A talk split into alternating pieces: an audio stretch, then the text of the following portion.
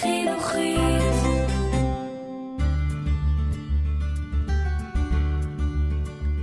המדריך לשביל ישראל, פרק 26, ממצפה משואה לבית גוברין, עם יואב גלזנר. שלום לכם, בפרק הזה של המדריך לשביל נטייל לאורכה של רמת אבישור, שהיא כמו מדרגה שמקשרת בין הרי יהודה והשפלה. נחצה מצפון לדרום את פארק בריטניה ואת יער גוברין, נבקר בית תל שבו התגלו שרידי יישוב עתיק, נראה מערכות מסתור ששימשו את תושבי האזור בימי מרד בר כוכבא, ונעבור באזורי פריחה יפהפיים.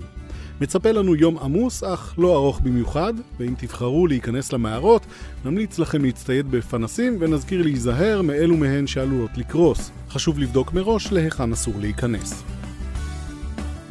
אז קדימה, כובע, מים, פנס, מצב רוח טוב, אני אוהב, ואנחנו יוצאים לדרך.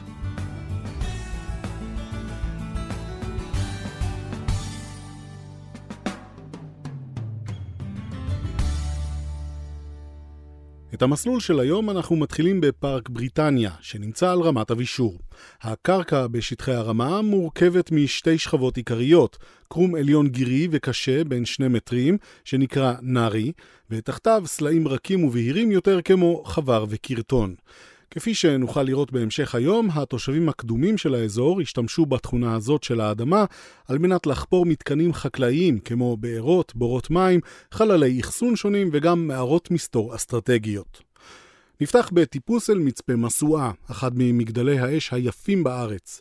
מרחבת התצפית נשקף נוף יפהפה, אבל אם תרצו לראות תצפית מרהיבה עוד יותר, תוכלו למצוא את האחראי ולבקש ממנו שיאפשר לכם לעלות אל ראש המגדל, שמחציתו בטון ומחציתו השנייה מצופה בחלונות מרובעים של זכוכית צבעונית. תגידו שאנחנו שלחנו אתכם.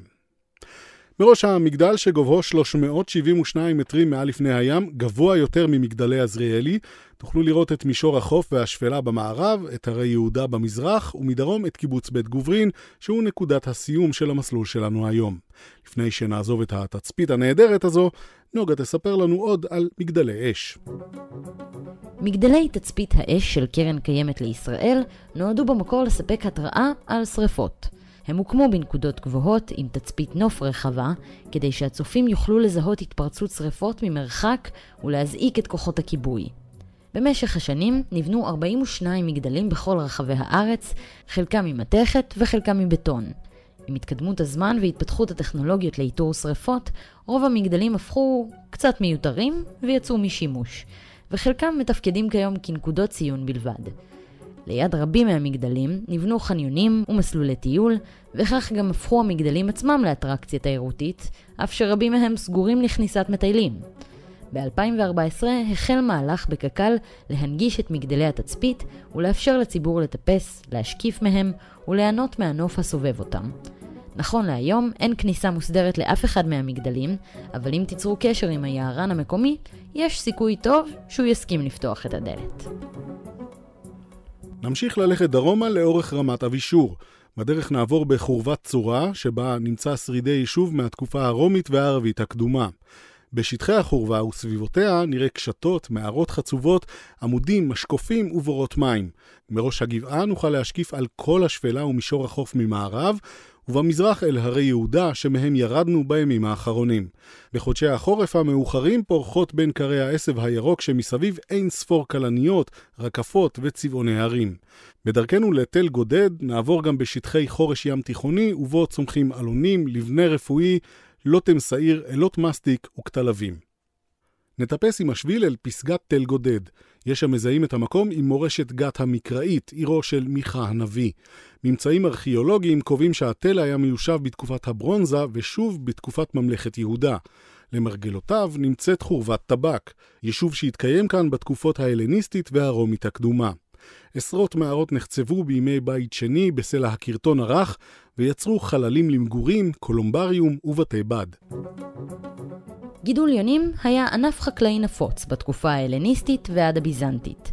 היונים שימשו לצרכים פולחניים, בשרן שימש למאכל, והפרשותיהן לדישון הקרקע לצורך גידולים חקלאיים שונים. באזור זה של שפלת יהודה ישנם שרידים רבים לענף גידול היונים. סלע הקרטון, הרך יחסית, הוא שאפשר את בנייתן של מערות הקולומבריום. כבר מתקופות קדומות שימשו היונים למשימה חשובה נוספת עבור האדם, העברת מסרים. ממש כמו דואר שליחים מהיר, אבל כזה שבאמת עובד. כזכור בספר בראשית, היונה היא שנשלחה בידי נוח לראות אם הקלו המים אחרי המבול. העיקרון שעומד מאחורי השימוש ביונים להעברת מסרים הוא שהיונה שואפת ומסוגלת לחזור לביתה מכל נקודה שאליה תובא. חוקרים מסבירים את כושר הניווט המעולה של היונה במספר אופנים, בהם היכולת של היונה לחוש שדות מגנטיים או ריחות מסוימים לאורך המסלול. בראייה היסטורית, הדואר המעופף הזה היה פעיל עד לפני לא הרבה זמן. אפילו צה"ל בראשית ימיו עשה שימוש ביוני דואר. יחידת היונים הצה"לית נסגרה ב-1957. עם פרוץ מרד בר כוכבא בשנת 132 לספירה, הוסבו רבות מהמערות שבאזור למחילות מסתור. מעבר לאפשרות להיעלם אל המנהרה כאילו בלעה אותם האדמה, מצאו המורדים יתרון משמעותי נוסף במערות הללו. כדי שחייל רומאי יוכל להיכנס למחילה ולעבור את האזורים הצרים שנחצבו בה כחלק ממערכת ההגנה, הוא נאלץ להוריד את השריון, מה שהפך אותו לפגיע במיוחד. מסביב, ובעיקר מעל לאותם מעברים צרים, נחצבו גומחות שאפשרו גם למי שאחז בחרב קטנה או בעלה להציב מערב ולחסל את הפולה של המנהרה בקלות יחסית. כיום הכניסה למנהרות המסתור אסורה מחשש להתמוטטות, אבל לא רחוק מהשביל, בחורבת מדרס שליד מושב צפרירים, מהצפונית לחורבת צורה, נמצאות מערכות נוספות של מנהרות מסתור. שם תוכלו לזחול, לחקור ולהתרשם מעבודת החציבה ומהחללים הפנימיים ללא חשש.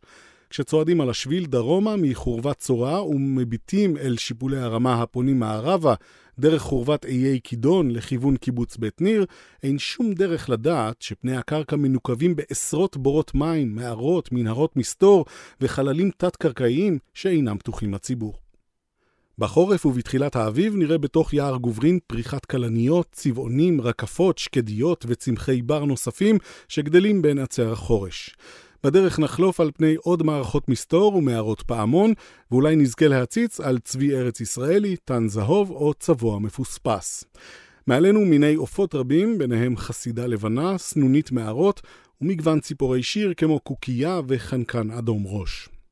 אם חנקן נשמע לכם שם קצת מוזר לציפור שיר, אתם לגמרי צודקים.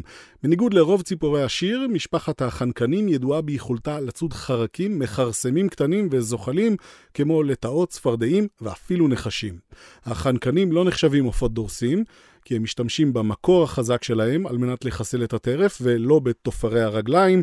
עובדה מעניינת נוספת לגבי ציפור השיר הקטלנית הזו, שהחנקנים נוהגים לשפד את השלל על קוץ על מנת לקרוע בבשרו.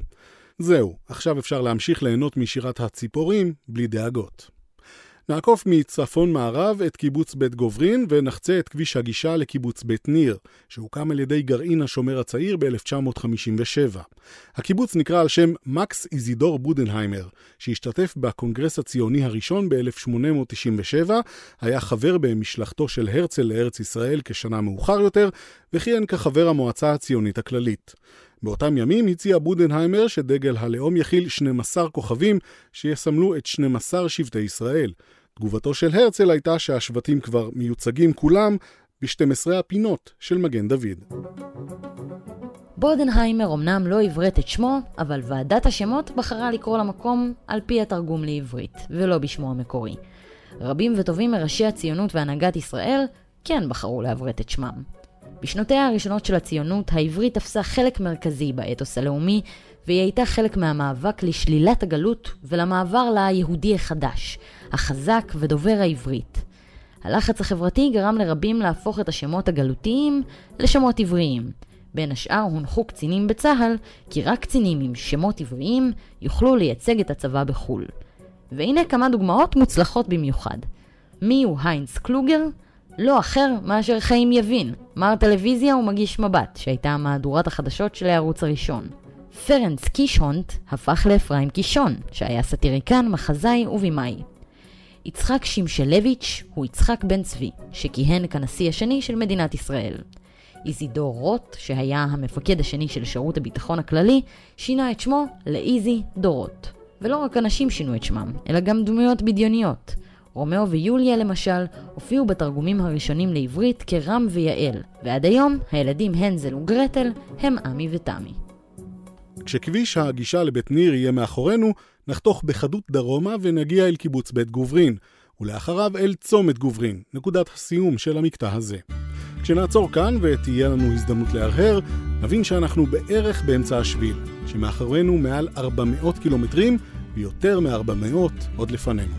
אנחנו עוצרים כאן ללילה, וממחר הלכנו יותר משנלך, ולא נלך יותר משהלכנו. המדריך לשביל ישראל, כל מה שצריך לדעת על השביל של המדינה. תחקיר ותסריט סיון רדל, קריינות נוגה קליין, עריכה והפקה יואב גלזנר וגידי שפרוט.